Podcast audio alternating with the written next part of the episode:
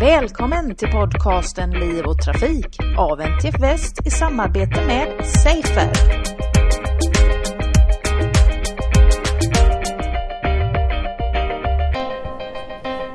Hej alla lyssnare, välkomna till podden. Jag står här med Maria Kraft som är eh, måldirektör för trafiksäkerhet och hållbarhet på Trafikverket. Välkommen till podden Maria. Tack så mycket. Jätteroligt att ha dig med igen och vi befinner oss nu på Transportforum och eh, du dels modererar du eh, sessioner och du har också hållit föredrag men eh, du blev också väldigt inspirerad av inledningen. Kan vi börja där? Vad, vad var det som sades när vi öppnade upp de här dagarna som du fastnade för?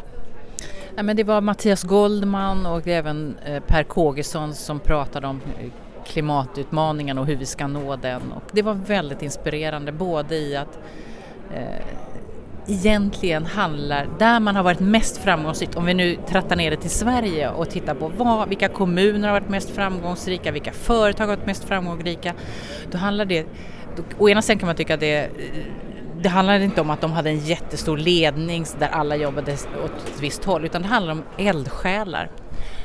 Eldsjälar med terriermentalitet eh, liksom skapar framgång som biter sig fast i en fråga och gör skillnad.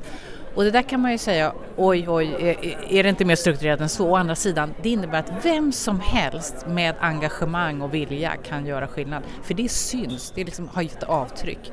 Det, så det, när de gick igenom olika städer för att se vilka är duktiga och varför så var det inte storleken, det var inte pengarna, det var inte färgen på, på politiken utan det var om det fanns eldsjälar eller inte. Om man nu ska förenkla det så var det liksom det, det som var där man såg ett klart samband. Det gjorde man inte med de här andra faktorerna. Så vi är alltså beroende av eldsjälarna och det är ju lite läskigt att tänka sig att det ska vara så eller? Eh, tvärtom, jag tycker det är härligt. Men då är det inte, eh, det är inte top-down bara utan det är verkligen man, man behöver inte sitta i soffan och känna liksom, vad eländigt allt är och varför gör de ingenting. Nej men börja med det själv då. Gör någonting själv. Gör något själv. Alltid kan man göra någonting. Så att eh, jag tycker ändå att för mig var det en kick. Ja men okej, okay. vi kör lite terrier då. Mm. Ja men precis, vi är många eldsjälar här dessa dagar ju.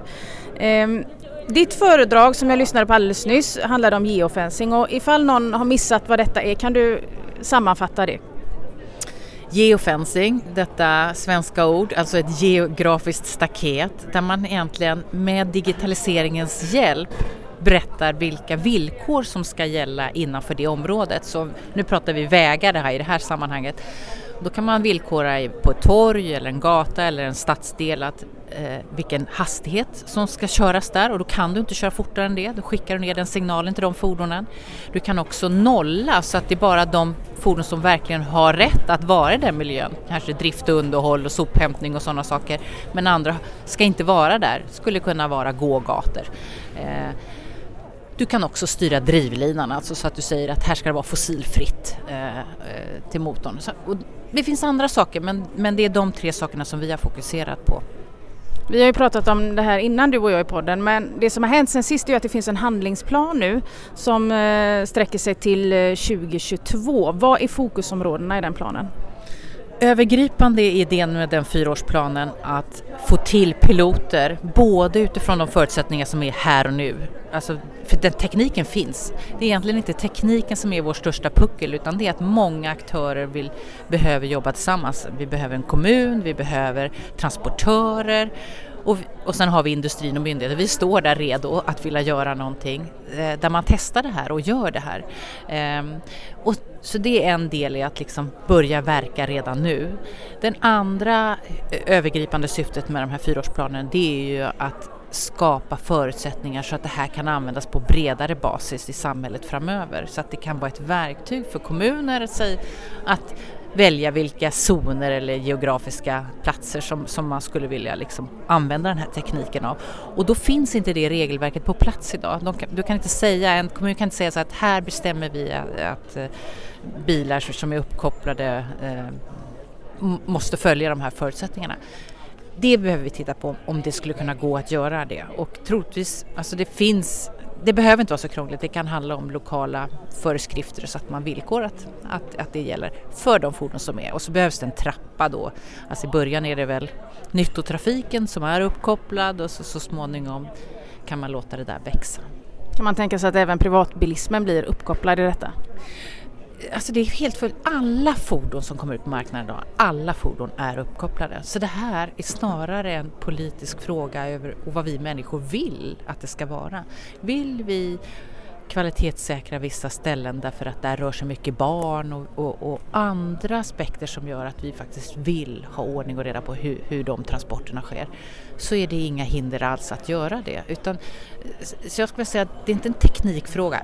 Den, all teknik är inte på plats men den, den är underordnad egentligen till att vi börjar samarbeta mer och, och, och, har också en diskussion kring hur vi skulle vilja göra det här. Och därför tror jag på att testa det här, gör det här på mindre ytor och testa och, och se hur man upplever det. Men principiellt skulle du kunna ha det överallt, på hela transportsystemet. Du skulle kunna liksom, eh, använda det för, för, för att säkerställa egentligen eh, så många saker och, och, då är det inte bara trafiksäkerhet utan det här är luftfråga, buller, klimatfråga, trygghet. Du skulle kunna göra en zon där du säger att här vill vi stimulera till att barnen ska kunna ta sig själv till skolan, att de ska kunna gå och cykla till skolan själva. Eh, vi vill stimulera hälsan för barn men då vill vi också se till att vi vet att de fordon som kör där inte kan köra fortare än 15, 30 eller vad det nu är för vägar. Det skulle liksom vara ett sätt att kunna stimulera så mycket andra saker. Ja, det låter ju helt fantastiskt eh, om det skulle vara möjligt ur trafiksäkerhetsperspektiv. Eh, men vissa fordon är redan geofensade idag, eller hur? Ja, det finns ju ja, ja, Keolis, ett, ett bussföretag de var med i en pilot där man geofensade utifrån drivlina så att bussen gick på el vissa sträckor i Göteborg och även en buss i Stockholm. Sen utökades det till att man också geofensade själva hastigheten. Eh, och det har funkat alldeles utmärkt och, och sen upptäckte ju det bussföretaget då att men herregud det här är jättebra, vi, spar, vi ser liksom en potential, vi slipper utbilda alla våra förare om och om, om igen om våran policy och hur vi vill att ni kör. För de kan inte köra fortare än en viss hastighet. Det skapar bättre arbetsmiljö, mindre stress. Det är inte föraren som ska rädda en tidtabell som inte håller utan det är en ledningsfråga. Alltså, och det blir mycket mindre skador eh, och lägre eh, bränslekostnader. Så, att, så att det har varit win-win. Och, så att de ser ju affärsidén alldeles, eh, väldigt tydligt och de säger ju att alla nya bussar de köper nu från och med i år, då villkorar de att, att det ska vara bussar som har den tekniken, att de kan geofensa dem. Nytta på flera plan alltså. Eh, pilotprojekt nämner du och pilotkommuner och så. Vilka är klara i det här? De som är med i dagsläget är ju Stockholm och Göteborg och sen är det industrin. Eh, vi vill ju ha transportörer, de som verkligen eh, jobbar och, och använder de här fordonen. Eh, vi är intresserade av att hitta fler städer som också vill hänga på. Hur gör man om man är intresserad? Då? Tar man kontakt med, med dig? Det är en bra början. eh, någon annan utmaning som du skulle vilja lyfta fram nu som är närmast på tur att ta tag i den här handlingsplanen?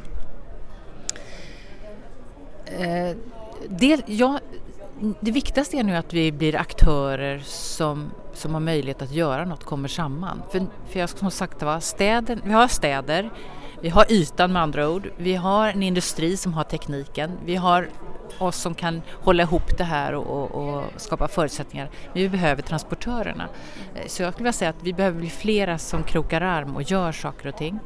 Eh, sen såklart behöver vi ju angeläget att komma igång med att få en översyn av regelverket så att det här kan implementeras i större skala för de kommuner som vill så att det inte bara blir prototyper och piloter här och var.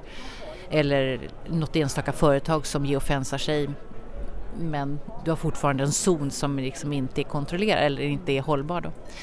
Eh, så det, det är sådana nyckelfrågor. En, en tredje jätteviktigt område det är ju att vi vill ju hitta lösningar där det här sker så att det är skalbart. Alltså att den här digitala gränssnittet eh, när du skickar signalen till fordonet, eh, hur det ska ske, det behöver vi harmonisera så att det funkar likadant både nationellt och internationellt. Så här kan vi inte bara sitta i Sverige och ha en idé om hur det där ska gå till Eh, och vi har också en utmaning i att eh, olika tillverkare har olika gränssnitt. Så att och städerna jobbar inte idag med sådana processer att de kan skicka en signal. Men det har vi redan startat eh, ett sådant arbete att titta på. Göteborgs stad tittar på sin arbetsprocess för att kunna skicka sådana här signaler så ska vi testa det. Så det är ett arbete som pågår nu de närmsta två åren. Eh, ett otroligt ambitiöst och eh, komplext koordinerande låter det som att det väntas. Så att vi kommer följa det här med, med stort intresse och innan vi avslutar nu så vill jag ju såklart eh, passa på att hälsa dig välkommen som talare till NTF Västs konferens som är 7 mars, Barnliv och trafik. Kan du nämna jättekort vad det är du kommer att bjuda publiken på där för, för samtal? Det kommer att handla om hur kan vi få våra barn att röra sig mera därför att det finns sådana enorma hälsovinster med det och då är trafiksäkerheten en förutsättning för det. Och hur kan man hänga ihop de där två eh, så att det är en win-win. Det kommer vara fokuset den dagen.